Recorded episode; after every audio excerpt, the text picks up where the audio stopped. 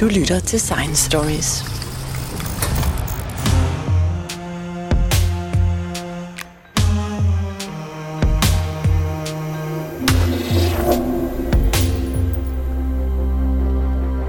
This summer, at Euroscience Open Forum in Leiden, Holland, I interviewed astronomer and science journalist Jari Makinen about the latest development of the James Webb Telescope. After the interview, I asked Jari about his source of information, and he referred to an interview he did with the principal system engineer Peter Rumler from the European Space Agency. This is nerdy stuff, with an astronomer asking questions to a space engineer, quite unfiltered. But this is also podcast, and we have no limits. So for the space nerds, I decided to share it in combination with my own interview. A special thank to Jari Mäkinen from Finland who shared the interview with Science Stories.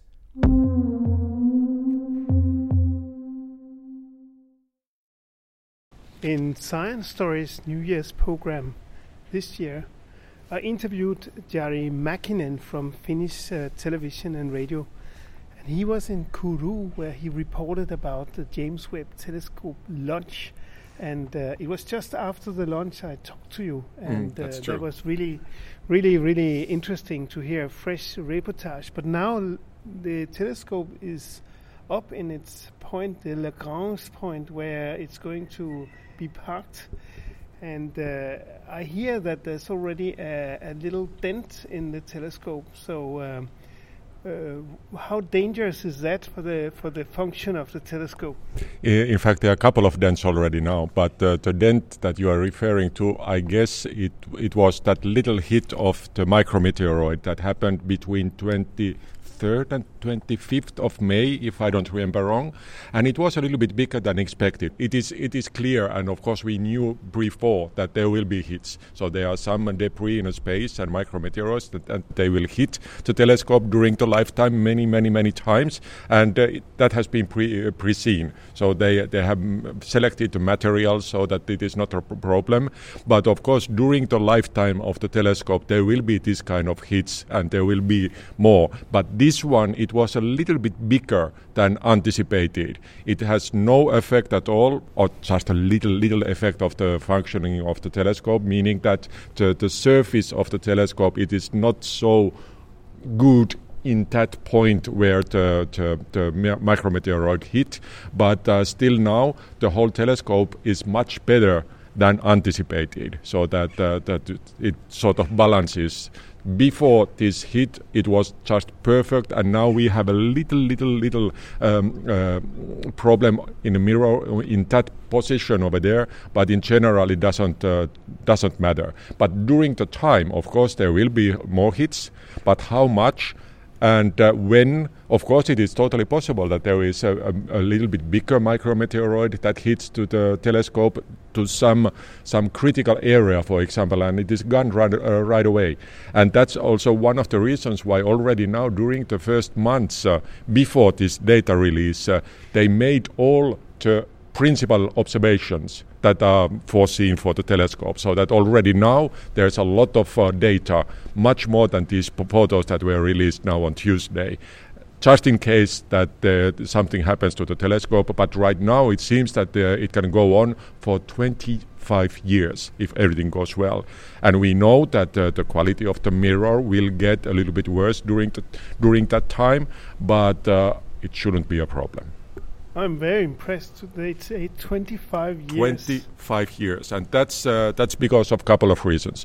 And the most uh, the most important one is that the launch with the European Ariane 5 rocket was so precise, so that basically when you launch uh, this kind of uh, of uh, observatory to the Lagrange point uh, two, it means that you a little bit downshoot. So that basically you send the telescope to, to, to that uh, direction to the Lagrange point, and during the uh, travel to there, you correct the trajectory a little bit with uh, with the fuel that is uh, on board on board the telescope, and and in this case, the original pointing of the of the telescope was so precise that they didn't need so much fuel for these mid corrections uh, uh, during the trip to the L2, and therefore they saved hugely the, the, fuel that is now needed for the station keeping of the satellite, and that's the main limiting factor of the of the lifetime of the of the of the Webb telescope.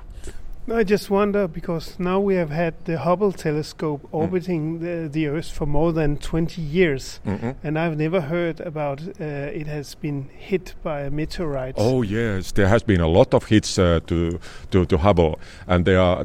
If you browse the internet, for example, and uh, put there um, Hubble and uh, hit and uh, and micrometeoroid, you see a lot of photos that the astronauts when they went up to see the the telescope, they took, of course, the photos of the telescopes as well, and also the solar panels that that are powering the telescope uh, have been changed and they have been brought back to Earth. And one of the the, the, the solar panels is in fact uh, not so far away from here. It is at, at, at the ESTEC uh, Space Technology uh, European Space Technology uh, Center uh, in Noordwijk here nearby Leiden, and you can see with your eyes a lot of hits in there. Uh, only big difference between Webb and Hubble is that uh, the mirror of uh, Hubble is inside, so it is covered by the outer layer of the telescope, so, and therefore it is protecting it a little bit. And uh, tel- uh, Webb mirror is uh, open air, so that there's nothing to protect that. But the material has been selected also totally differently, and therefore it doesn't matter so much if you get a little bit hits to the to the Webb uh, mirror. But there has been a lot of hits to Hubble tel- Space Telescope as well, and in fact uh, uh, there's a very good reference um, in this uh, micrometeoroid hit uh, rate. Um, there is a European um, a telescope that is called um, Gaia. The Gaia telescope that is uh, at L2 as well and uh, they have been measuring the hits. They, they, they have no, no mean to see how much hits there has been, but they, they get a little bit information about the hits that are go- going to, to Gaia telescope. And according to that information, the, the hit rate for the Webb telescope is not a big problem. But I was thinking that uh, this, this uh, Lagrange point 2 yeah, Uh, which has been selected because uh, it's a point where it's more stable with the gravity field and therefore it, you don't need to correct it uh, that much. But isn't it a problem that there will be much more particles up there in that particular point? No, no. In fact, there, there are a little bit less than around Earth because here around Earth, very near of our planet, uh, you have a little bit more stuff, and and you have also uh, space debris that is coming from the satellites and so on. So basically, the, the environment here nearby is a little bit worse. Out there, in uh, in, in principle, it is already in uh, interplanetary space, and it is a little bit better. But but only bigger thing that is over there is that every now and then we are going through the, the micrometeoroid bands uh, coming from the ancient uh, comets or the comets, so that you you have a, lot of uh, stuff uh, in a space in a certain uh, point, uh, certain orbits around the, the sun. And normally here on Earth, you get the meteoroid showers. But uh, up, up, out there in space, uh, of course, they are just flying by, and therefore already now a couple of times uh, Webb, Webb telescope it has been turned. So they they they halt, they, they stop observations for a while, and they turn the mirror so that it is it has the, the, least possible surface area pointing to the direction where the, the, the particles are coming. But and, and also about uh, L2. L2 is uh, the, these um, uh, Lagrange points. Uh, you have in fact five of those around Earth and, and around any any object um, in, on, on, orbit. And uh, L2 has been selected because, because it is outside from the from the Earth when looking from the Sun. Because then the Sun and Earth are on the same side of the telescope, and those both got to be avoided the, the big problem with Hubble Space Telescope is that you cannot point it to the sun, sun and also you have a huge uh, bright surface of the Earth on the on the, below the, the telescope, and therefore there are just a, a, tiny fraction of the space where you can uh, watch at the same time. And uh, with the Webb, you have a much much wider area of, uh, of space where you can point to the teles- point to telescope. And also L2, in fact, it is not a, just a, it is a, it is a mathematical point, uh, but the telescope is on an orbit around that point, and to station keep the telescope on that little orbit around that point requires a little bit fuel so that you got to ch- adjust the orbit all the time a little bit and that's why the, the, the fuel is important but the whole mission since uh, launch in, in Kourou has been a, a great success. And Absolutely. I, saw uh, recently that the American president was on television live in order to present some of the first results before they were presented by, yeah. by NASA. And and it gave me the impression that the whole operation was a NASA driven operation. Well, that in fact that is uh, not only a problem with the Webb uh, Space Telescope, but uh, but almost all missions where NASA is participating. So that uh, the of course NASA is talking mostly about their part in a program, just like uh, International Space Station as well. Many people think that it is a NASA project, but it is an international cooperation behind that. And just like here with the with uh, with the Webb Space Telescope, you have also European Space Agency, and that means the majority of the European countries, or, or all member states of the European Space Agency are participating, paying a little bit uh, of this uh, mission. And then you have Canada as well. So it is three countries that are participating this. And this uh, Biden um, press conference, it is mostly uh, domestic politics of the U.S. Uh, the only, in fact, uh, the space agencies were a little bit annoyed when very short notice, uh, there, there came a, a, message from White House uh, saying that Biden wants uh, to present the first picture, and that spoiled spoiled already all the plans of the of, for the original picture release sequence and webcast and so on. But of course, it is really nice that that um, President of the United States is interested in astronomy, and hopefully, the administration will give a little bit more money to the space as well but it is it is also European. It is uh, uh, not only the launch was uh, financed and made by Europeans, but also there is, there are two instruments with uh, with a strong participation from Europe. Europe. One is entirely made in Europe. In fact, uh, designed here in uh, in ESTEC, and um, and uh, one instrument is partly made. And uh, there's a, there are 50 scientists, if I don't remember wrong, that are on location in Baltimore in a Space Telescope Science Institute uh, participating in this mission, and of course, the astronomers around Europe are also behind this. Even a small country like Denmark has uh, uh, scientists and, and companies involved in, in two of the instruments. So, so we are very much involved. In fact, I don't know practically how much the, the Danes have been uh, doing the hardware for this, but, but at in any case, Denmark has uh, participated in European Space Agency's science program that is uh, paying the construction of these instruments and financing also the, the space telescope. So, so indirectly, Denmark is uh, is participating as well, just like any any small countries. And I'm pretty sure that there are also Dan- Danish astronomers that uh, that have um, uh, applied the time observation time from Webb uh, uh telescope, and uh, they will do the observations with those. I know that there there is one group from Finland who has already granted the observation time, because uh, basically the, the observing time of Webb has been decided for one year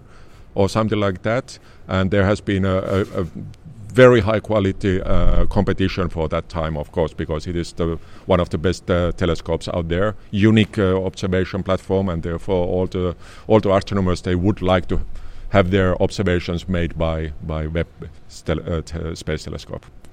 Yeah, as far as I understand, uh, some of these uh, collaboration um, are made in the way that they don't pay uh, for the time if they have participated in the building of the telescope, so they can get kind of uh, of uh, observation time for that uh, money they have been using for that? Uh, that applies mostly to the ground uh, space telescopes, uh, like uh, European Southern Observatories and some some um, bilateral cooperation telescopes and that kind of things. I don't know exactly precisely how the money is is going with with Webb, but in principle, observing time of the Webb is available for everybody. So all astronomers, not only from U.S., Canada, and Europe, but also astronomers from elsewhere in world, They can freely apply the time, and I think that they are not paying for that, so that uh, the observ- observatory is paid by these three countries, and of course the majority of the observing time is allocated to, to the observers from these countries, but, but basically also Kenyan ast- uh, astronomer or, or, people from Australia, they can can apply the time, and uh, then it is uh, purely scientific value that is uh, is counting. I remember many years ago that um, people will say that uh, if we could think about one useless uh, uh, form of science, that would be astronomy, and there would never come anything practical out of astronomy. But but that's not the case any longer uh, it has never been like that. The astronomy has been the most practical science ever, and of course, of course, so when thinking how much there is stuff in in space uh, and in a world in general, the majority is uh, is uh, is is um, something that is. Um, observed by the astronomers so that you have stars you have planets and so on. So of course the astronomy is the best science and most important science. Of course i'm biased because uh, i'm originally astronomer. But if you if you think about uh, the applications uh, for for example um, uh, agriculture you needed you had to have astronomers saying when you put the grains to the ground and uh, when you when you when you do the actions uh, with uh, with agriculture and uh, and the observatories in old ages they were just like temples so that that that justifies already the, the view that astronomy has been extremely important and practical in the history of humanity. And uh, for the modern times, time timekeeping has been extremely important when thinking about going to the faraway places and so on. And that has been something that has been done by astronomers. And and right now, if we well, there there are these kind of little things quite a lot. But now the practical things, for example, when building the space telescope. Uh, and the telescopes in general, you have to push the limit in optics and uh, the optics that uh, that has been developed originally for the for the observatories for the telescopes are used by you and me here eyeglasses are much better now than they would have been because of the study that has been made uh, by the astronomers or the engineers and astronomers to, to make the optics much better. There's a lot of things uh, like this, and then many technologies have been developed uh, by the astronomers that are used normally, like this kind of thing. Have you heard about Wi-Fi? Wi-Fi was invented by the Australian radio astronomers originally. And, uh, and now it is used by by everybody. And then then of course there are bigger picture, bigger uh, questions like uh, uh when you are observing the stars and uh, and uh, huge um, gas clouds in space and in fact galaxies and whatever you are dealing with plasma. that that is the fourth form of the of the matter. So it is it is highly it is hot matter where electrons have uh, gone out from the uh, atoms. And uh, and uh, when you understand a little bit better how plasma is uh, working you can develop uh, the fusion reaction for example. So that studying the fusion reaction and astronomy they are very closely linked but Jari Makinen, now they have invented all these things and, and they know how to navigate ships and they yeah. know how to uh, sow the right time of the year. And uh, uh, could there really be anything more uh, left to discover out in space? Yeah, there's a little problem that majority of the, of the matter in universe is missing, so that we know only a couple of percent so to, the majority of the universe is somewhere. We don't know where it is, and possibly it is. You know, you have heard about uh, dark matter and uh, and the dark energy. So so so where are they? What are they? And uh, that's that's profound question. So that uh, it's it, it's the understanding of the universe also, also that is uh, extremely important. Why are we here? How the Earth has developed uh, to this kind of planet where we are. And in fact, uh, yeah, one of the things why we why it is extremely important to look to other planets is also because that's the way to understand our own Earth. For example, we have Venus, where we have extreme um, greenhouse uh, effect. So understanding how and why Venus is like that, it helps to understand how we can avoid that kind of future here on Earth. And uh, on the other side, Mars, it has lost ma- majority of its atmosphere. And why it has happened? Well, we know basically because it is a smaller planet and therefore the gas is just, just uh, going out to space. But how is it has happened and what has been the con- consequences and so on. Understanding and uh, and uh, and uh, seeing what is happening on the other planets and their atmospheres, and also the ge- geology of the other uh, bodies helps us to understand our planet, our own Earth, and exoplanets, of course. With Webb, for example, Already now, in the first release of the data, we had a wonderful spectra of, um, of um, a Jupiter-like exoplanet, and it was the first time when we actually saw in a spectra that there is water. Previously, we have just anticipated, but now just one snap, and we have already data on that. And now we can see the exoplanets that are just like Jupiter, and that, that helps us to understand the planet formation and directly also how our Earth has been born and how it is developing, why this planet is just like it is. How long time do you think it will take before we can see signs of, of life on, on other planets? That's really difficult to answer because we don't know exactly. Well, there are some some hints of life. So that, that's that's again so that that we, we have already now seen that there are organic uh, organ, organic material out, out there complex organic molecules. Uh, there's a lot of that uh, stuff that is uh, basically the, the building blocks of, the, of life. So we have that quite a lot, and we have also already now seen the, the exoplanets that, in principle, could be um, could be habitable. So that there could be some, at least there, there very likely are the conditions uh, that are optimal for the life as we know it right now. But when we see the, the, the actual signs of life I don't know, and uh, and uh, what what what level, what kind of proof we need. The best is, of course, that if we had the flying saucer or or, or the aliens that are coming here and saying that here we are and uh, and uh, yes we are existing. Or then we see some other sign uh, for example a postcard sent uh, from uh, another planet or then some clearly intelligent blinking of the laser huge laser navigation um, lighthouse or something like that. So, so of course there are that kind of things, but uh, in principle, also with the Webb telescope, you could see that in some planets you could have that kind of signs that can be understood as uh, signs of life. But after that, of course, there is a big discussion is it real and are there some other kinds of processes that can produce that kind of similar thing? There was a there was a very good example now. It was a couple of years ago when uh, a research group said that there is surely life on Venus because they detected uh, a, a gas that is probably produced by the microbes that are up there in the atmosphere of uh, of Venus, and uh, they said that they have counted out all the other possibilities how this uh, uh, gas could have been uh, born.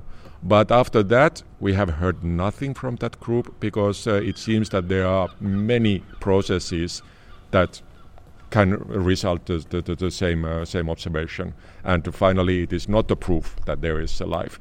There can be, of course, still now, but this observation didn't say that. And and life could as well be some small microorganisms. Oh yeah, yeah, that can be in on Venus or the atmosphere of Venus or on Mars it is highly highly well i don't say likely but i say that it is possible that uh, on mars you have still some microbes living right now or there has been.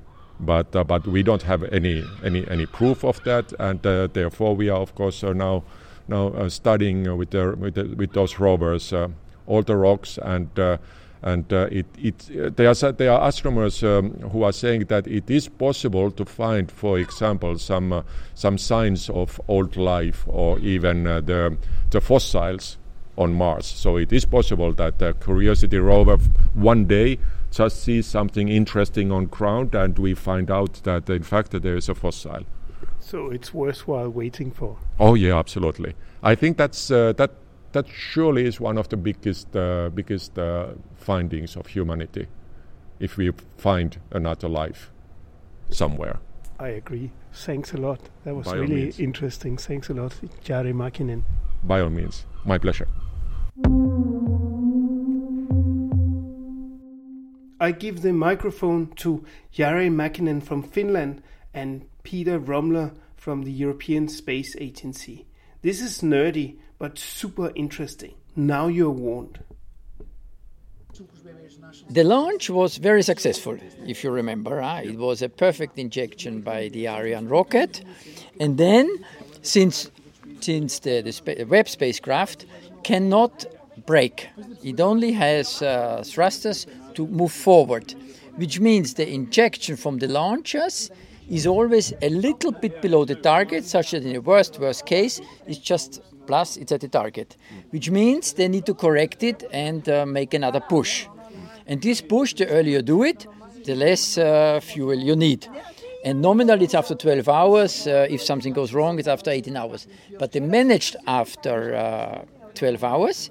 Everything was as planned, which means they use less fuel than they calculated in the worst case, which means there is more fuel left. Because it was designed for five years nominal life for the electronics and everything, the worst cases, and 10 years of fuel. Now they say it will last probably at least 20 years. This is what NASA said. Huh? So this was the good injection. Then, of course, is first it needs power. We saw the solar array deployment directly on the camera, so this was was good. And after they have basically uh, made the injection towards the, the final orbit, the L2, they start with all the deployments. First is the gain antenna that they have good communications with the ground, and then is all the things. And the if you see the animations on YouTube, which are a couple of years old, you see that basically it takes them two weeks roughly to deploy all these things, the sun shield. There is, they say, uh, 100, whatever, 40, 50, 60 actuators, and uh, they say 40 major deployments, which is very, very complex. eh? It took them on the ground always much longer than they'd expected. And this is something which they did very carefully, which we always complain about the delays, but it worked. Yeah, this is something which in Europe we cannot do. I'm sorry to say this, but they can do it in the US, we cannot do it. Why we can't? It's too complex, too big, too complex. Right. So we don't have any companies who would, who would do this. Uh, but the Northrop Grumman Space, they managed to do it. It take it took for a very long time, and we were always unhappy because it still was uh, not perfect, and uh, but but it worked.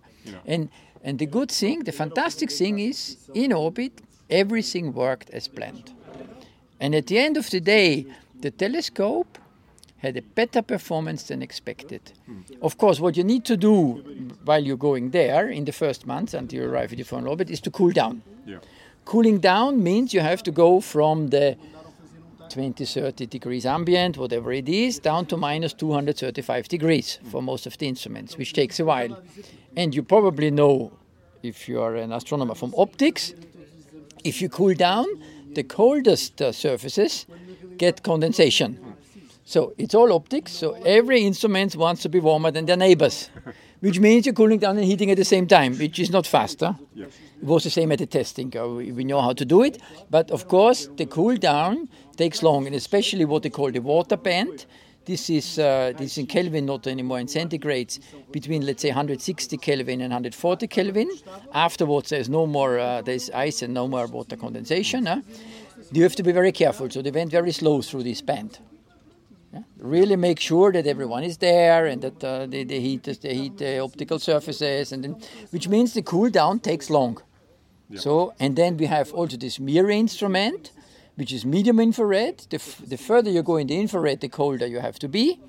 They work at six Kelvin, so they have an additional uh, electrical three-stage cryocooler, which means they took them even longer. They took, I think, they were only at day 90 or day 100 they were down at their operational. Huh? Yeah.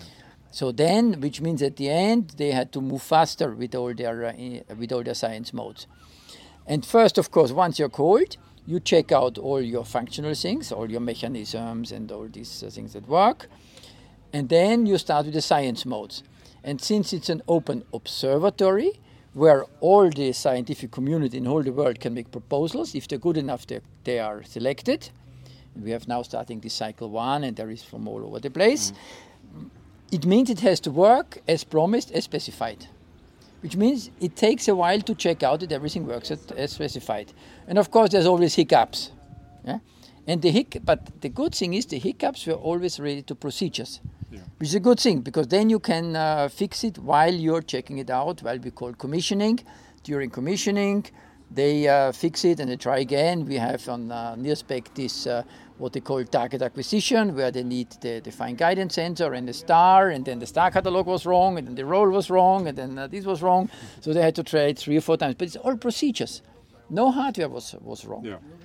The only thing which happened in all these six months related to, we cannot really say hardware, was a micrometeorite hit end of May, a significant one, which put a dent in one of these mirror segments. The mirrors are made of beryllium, which is a, a, a light but a relatively soft metal. Yeah? So there was a little dent. The mirrors can be adjusted with the six degrees of freedom, such that everything is basically concentrated on one, yeah? because in the beginning, you look at one star, you have 18 images from the 18 mirrors. Then you need to concentrate and move the mirror such that they combine into one. But you have a little dent, it's difficult. Right. to do it. They so, try so, a bit. So there is actually now a dent, and you can you can see it. But but yeah. no, you see when we don't yeah. have a camera. Yeah, but they have uh, what they say. The performance of the telescope was so good. They have a specification. They call it wavefront error. If you're an astronomer, you're yeah. probably an optician, you'll probably know what it means. The specification was 140 nanometers of wavelength error for a telescope. Uh, on the instrument, we have done 200 or something. Huh? Yeah. Uh, but in the beginning, this was 50 or 60. Or, yeah? And with the dent, they managed to keep it to below 70. Right. So it's still twice as good as specified. Exactly. And of course, of course, you have but been prepared also for this kind of hits, so that uh, the question there is, will be surely. Yes, but how many hits can you sustain? We don't yeah. know because the model we don't know out there. We don't have we, we don't yeah. have good predictions. Eh? What they did at the end of May, since there was a, a storm of particles coming from a broken up comet, this was known. They turned it around to be basically uh, sideways to the uh, to exactly. the because they knew that something was coming. Yeah. But normally micrometeorites you don't know when they're coming and what they're coming. You make exactly. models, you make up. All you do is, I mean, they we help them also with our Gaia spacecraft experience, but it's completely different materials. But there, this has been in operation now for more than five years, I believe. Huh? Gaia. yeah, yeah, probably. I don't yeah, remember. But the the well, people the people who uh, basically collect, who try to collect information there, they they were in contact with NASA and they tried to help yeah. them to see what has happened because Gaia is also out there. Yeah. yeah. Of course, the difference is that the Gaia mirrors are inside and these are exposed. And now. it's different materials. Yeah, so exactly. you cannot, but you can basically see what is the frequency. I mean, and but micrometeorite is something very tricky because if we have some issue on a spacecraft and we don't know what it is, mm. we pull out of the head a few things. Eh? One is called uh, tin whiskers. Yep. And the other is called micrometeorites. right. Those are the rabbits pulled out of the head if you don't know what is happening. Sorry to say this, but yeah, yeah, that's true. yeah. Because we don't have cameras, we don't have uh, we don't have things out there. Yeah. And if you don't know anything else, you have to make an estimate. Exactly, exactly. And there will be surely some kind but of. we don't know how often, how, and we don't know. yeah, so on. Yeah. Exactly. But at the moment, it works better than expected. Exactly. So, so basically, these were only hiccups during the whole procedure. Of course, there were all sorts of small hiccups. In the yeah. beginning, they had difficulties with the star tracker and sun sensor, which was provided by the Italians. Oh, but it turned it turned out it was all correction of procedures and catalogs and this yeah. and adjustments and tuning and nothing hardware, no hardware issue. Yeah. The problem is always if a hardware fails and exactly. you have to go to redundant site, huh? because you have redundancy. Yeah. But so far everything works as planned and we all are nominal. And procedures procedures you can always fix. Yeah. As an engineer, have you been astonished that everything was went so so smoothly? I am totally astonished that everything works as, as planned. But we didn't build it. Yeah. So normally, if we build it ourselves, we have confidence in it. huh? Here we have very little inside because uh, the prime contractor Northrop Grumman also does military work, and it's even more stringent with what they let us know than NASA. We get better information than NASA from them because they are very, very concerned about their military things. huh? Yeah, So we get most of the information is from the internet. We get, huh? yeah, not much, huh? right. Yeah. But yes, we, we are really we are really very very happy, especially for our young scientists. We have a group of uh, scientists. They are sitting at the operation center in Baltimore, 15 people. Out of them, probably more than 10 are young people, Yeah, and they base their career on these things. exactly. Yes. Do do we have any uh, European engineers over there as well? Yes, we have for both instrument, for uh, NIRSPEC and for MIRI, one for each one one engineer. Yeah. we have an optician there, Maurice te Plate, who has been here in our project, who developed it, and who is now the uh, the engineering lead for NIRSPEC. And we have a person from the UK, from uh, Airbus, uh, I think it was Portsmouth, and then afterwards uh, there, uh, Brian O'Sullivan, who is the, who is the, the lead engineer for for MIRI. So they have engineering work because you also need to have the operations and things uh, like this. Yeah. And what happens right now? How you operate this uh, telescope? Uh, the How do, you, operation, how do you fly James Webb? the operation is done all by what they call uh, the Space Science Telescope Institute In uh, Baltimore. in Baltimore, and the people there in the flight operations team. But of course, they have people who uh, do the the spacecraft itself, which is the control and the keeping that it's keeping in, in the orbit there in L2, which every uh, month or two they have to correct a little bit. Let's see how it's going to work. But those people, since it works, most of the ones who were there initially have left and are back in, uh, on the west coast with their uh, contractor. And then we have the science people. So it's run like Hubble by the, the science operations team. huh? So now we hand it over to science this week. And then it's fully run by the science operations team. We have trained them already here during testing since 2010, probably, our science people. And they work closely together with science people from NASA and the Institute yeah, to, to run it. And all those procedures where you operate it, they have been uh, pre-done and tested and everything. So everything is supposed to work as, as planned. Yeah, And of course, if something doesn't work, they have to fix it. yeah. yeah, yeah. They got to call here and. Uh, No, but they have. I mean, we have we had support from our German builders for the uh, the, the contractor for the instrument, the the people from MIRI. They are there themselves because this is com- provided by the European Science Community. So they have a few people there, yeah, and they will support it uh, as needed. But of course, during normal operations, it's it's run sort of pseudo-automatically. Yeah? The procedures have all been pre-tested, and now such that they work, that all the modes work as expected. And now we see what the science is coming. And the first cycle, which is probably even the first year, is already selected. huh? So all, all the science is already pre-selected. Uh, How, how does it uh, in practice happen? So that is it every morning they just send out uh, the file of the object uh, of the uh, objects that they observe, or, or how does it uh, da- how does it happen? I believe, I don't know all the details, but I believe it's uploaded up front because we have only eight hours uh, per day of contact. So we have to upload the procedures.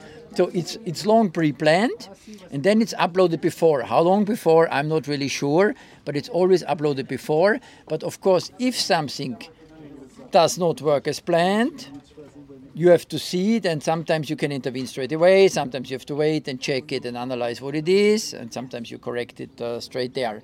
But it's not it's not joystick operated. It's operated basically uh, upload beforehand, decided beforehand what we're going to do, and then they do this operation. And, and some of observations are longer.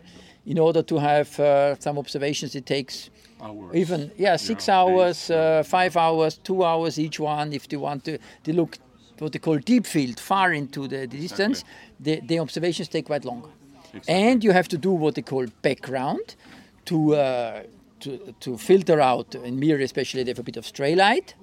Which was one of the things they was there, but they have stray light in what they call coronographic mode. Is when you blind out the star or the planet or the sun, and you you see around or just the atmosphere around. Huh?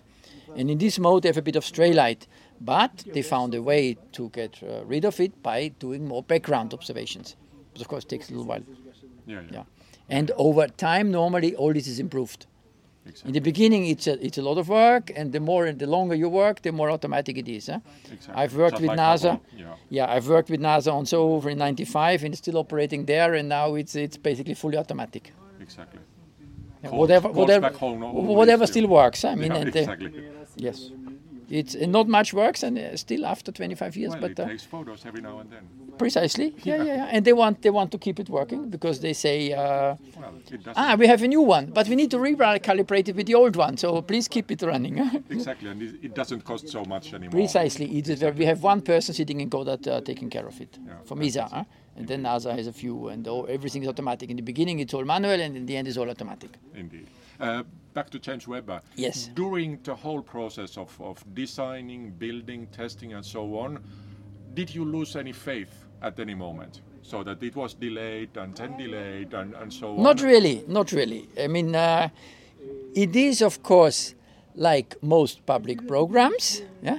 In the beginning, they tell you you have to do it for so much and in so much time, and you say yes, yes, yes, until until it doesn't work anymore. Exactly. But the bigger the program, the more difficult it is to stop. Exactly. Small programs are easy to stop, big are not. But of course, what they have done at one stage, I think it was 2008, they said it costs too much, we have to save some money.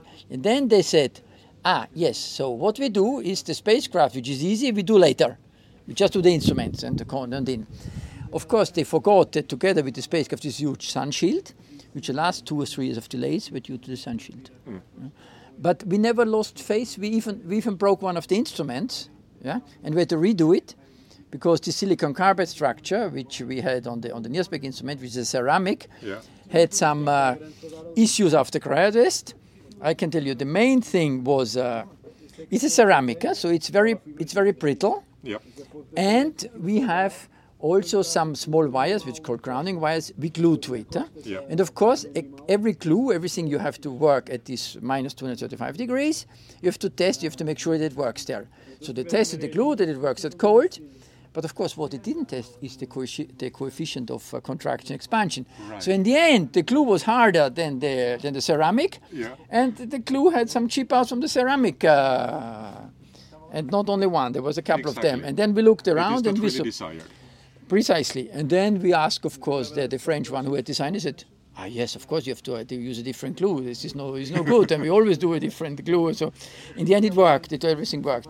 But we also discovered that the, for a, a cryo instrument like this, the stresses from cool down and warm up are bigger than the mechanical environment at launch. So we vibrate those things, but there normally we do basically uh, uh, vibration uh, before and after and only uh, one one cool down test now we did we did first the cool down warm up a fast one to put the maximum stresses then vibration and then again uh, cool down and uh, performance testing huh? Yeah. and NASA NASA also did it like this this we, we learned on the I mean eh, while doing you're learning Absolutely. Yeah. and this is relatively new because uh, we pro- we built something passively cooled, uh, which uh, at this low temperature, and it's not easy. Huh? Indeed. It's not easy. So, Indeed. Indeed. but I mean, you don't you don't lose face. You always fix your uh, your you see the problem and you fix it. We are engineers. Exactly. We're, so- we're, so- You- we're you there to fix it. to- exactly. Precisely, we're there to fix it. What, what, what did you think when you when you saw first time uh, James Webb uh, over there in Kourou in a in a clean room and, Oh. and, and thought that okay now we are now we are going to launch. It is fantastic. Yeah, it is big, yeah, impressive. And the first thing I thought is you have to keep it clean, clean, clean, and clean because Yeah. the mirrors are on the outside. Exactly. Yeah, and it's always important, even if the room is clean. Yeah, the more people are in there, the more dust you have. So you have to tell them, please, I don't want to go inside because I have nothing to do in there.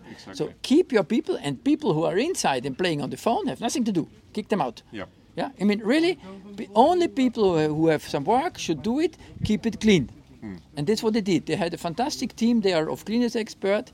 They had also some fantastic people doing the work there, which since we're working with them since many many years, I knew quite a few of them. And for the first time, they were faster than planned in Kourou.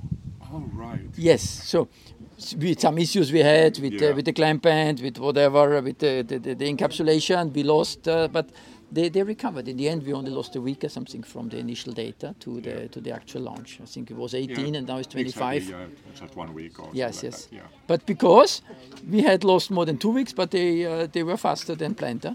And I always say to them, "Go ahead. You want to be fast? Go ahead. We fully support you. You're faster. That's fine." Yeah, after after a couple of uh, decades, couple of Precisely. I've seen the, the, the prime doesn't really contractor, the prime contractor always being slower than expected. So if someone is faster than expected, exactly. Yeah. Have you seen personally already the photos that will be published uh, tomorrow and this night? I got a yes a preview, but of course it's under embargo.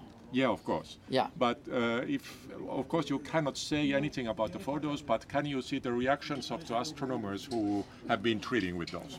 They they are very much excited, and the photos look really good. They have learned a lot.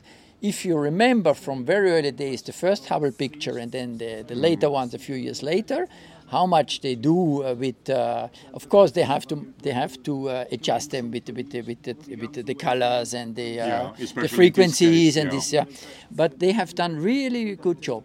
I say what I saw also the spectra because spectra are generally boring, Yeah. but they have done it. Also, we saw our instrument that you see how back with the spectra, how far back in time can you look? Huh? Yeah. With this redshift and these things, it's ve- very very nice. So tomorrow you will get uh, some very nice pictures. Are they um, groundbreaking photos? So that That's what this, that's what the scientists say. okay. That's what the scientists say. I mean, I'm an engineer. I cannot tell you, but that's yeah, what they of say. course. yes. In this kind of event, you say that kind of thing. Yeah, case. because they, I mean, of course, we, we look, f- the, the, you know that the, the mirror is much bigger than before huh? Yeah. when you compare to uh, to Herschel even, uh, yeah, or uh, the three and a half meter, or to uh, to Hubble the two and a half meter.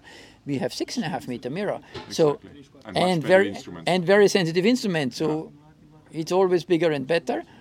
So we look further back in time, huh? but of course. Uh, the, the, the bigger and the better, the more expensive it gets. Huh? So it's not it's nothing cheap Yeah. here. And I, I think that now, when when releasing the photos, the most important thing to think is that this is just the beginning. Yes, it, yes, and we hope that it lasts for really the 20 years. Huh? And what we are very, very happy that this huge investment now starts to pay off. Yeah. Yeah, because there's always risks. Huh? You have you, you, you build you build something and you launch it into space, and there is always a, a risk. Huh? The, the rockets, I mean, even they are very good, one out of 20 can fail. Mm-hmm. Yeah, and and you don't want it. Huh? No. So you always cross your fingers. And we had failures here in ESA also. Huh? If I remember the first Ariane 5 flight with cluster, it failed. Huh? Yeah. But That's why- luckily, luckily, ESA doesn't have uh, uh, had so many. No, failures, ESA, so ESA, that we have been ESA, quite lucky. ESA is good with the launch. Yeah, we lost one uh, recently, which I forgot. uh, first CryoSat was. Yeah, precisely. But Yeah, that yeah, was, yeah, That was yeah. the Russians. uh, yeah, yeah, no, whatever. But still, I mean, uh, also, also the Russians are very reliable. Yeah, of course. Yeah. They actually they're more reliable than us. But okay, uh, that's now. Ariane 5 is very good. Yeah. So we were And very six proud, and we were very proud. Ariane 6, we hope so. we Yeah. cross our fingers. Huh? We have Vega this week. Yep. Let's see how Vega C does. Huh? Exactly. It's very popular with all the Earth observation, Vega C. Huh? Mm-hmm. All the new Earth observation things go on Vega C because they are about two tons and they go into Exactly. orbit uh, Just- for just three, uh, five hundred, whatever kilometers. Yeah, yeah, yeah. So Indeed. Good. Anything else about James Webb? Some uh, some personal memories of that. Some some anecdotes. Let's see. Any any any funny moments? uh, oh, the funny moment. Oh, a lot, of course, but uh, but if you Let, pick let's a say couple of I've been working on this program since the beginning here, which was I think 2003, 2004. So it's Right. so long; it's nearly 20 years, and I'm so happy that it's done. Really, I mean, and the anecdotes there is so many. There's uh, I, I, I I couldn't recall them, but uh, it's it, it's really I'm really totally relieved that it's uh, that it's done. Huh? And and you can hand o- hand it over to the astronaut. Precisely to the scientists, yeah, and to the young people who uh, who need to make careers out of this, huh? because uh, we as engineers we build it and we launch it and we forget it. exactly. So we are, I mean, we are happy since I'm working with instruments for long year. We work for them. Huh? We work for the science. We build it for them, and they have to use it. So we always cross our fingers that it works. And this is this makes me uh, happy. So I'm just and I'm close to retirement. So I'm uh, I finished this one. Then I and now I go on retirement. Anything uh, in between? Nothing. Nothing, nothing. Vacation. Yes. Uh, Yeah. End of the month I'm gone. Oh right. Yes. So quickly. Yes, because Okay. it just just finished now uh, this week, and, And- then uh, yeah, I'm gone. Yes. So so therefore you are especially relieved now that Precisely. done. Yes, everything is done. It's gone. uh, yes. Time to go and leave it to the young people.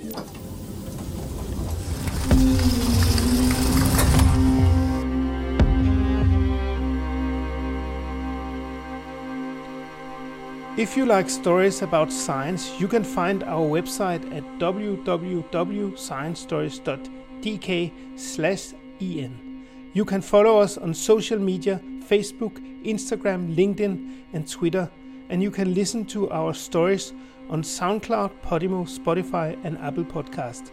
Please don't forget to rate us and leave a comment. I'm Jens Degett, and this was Science Stories.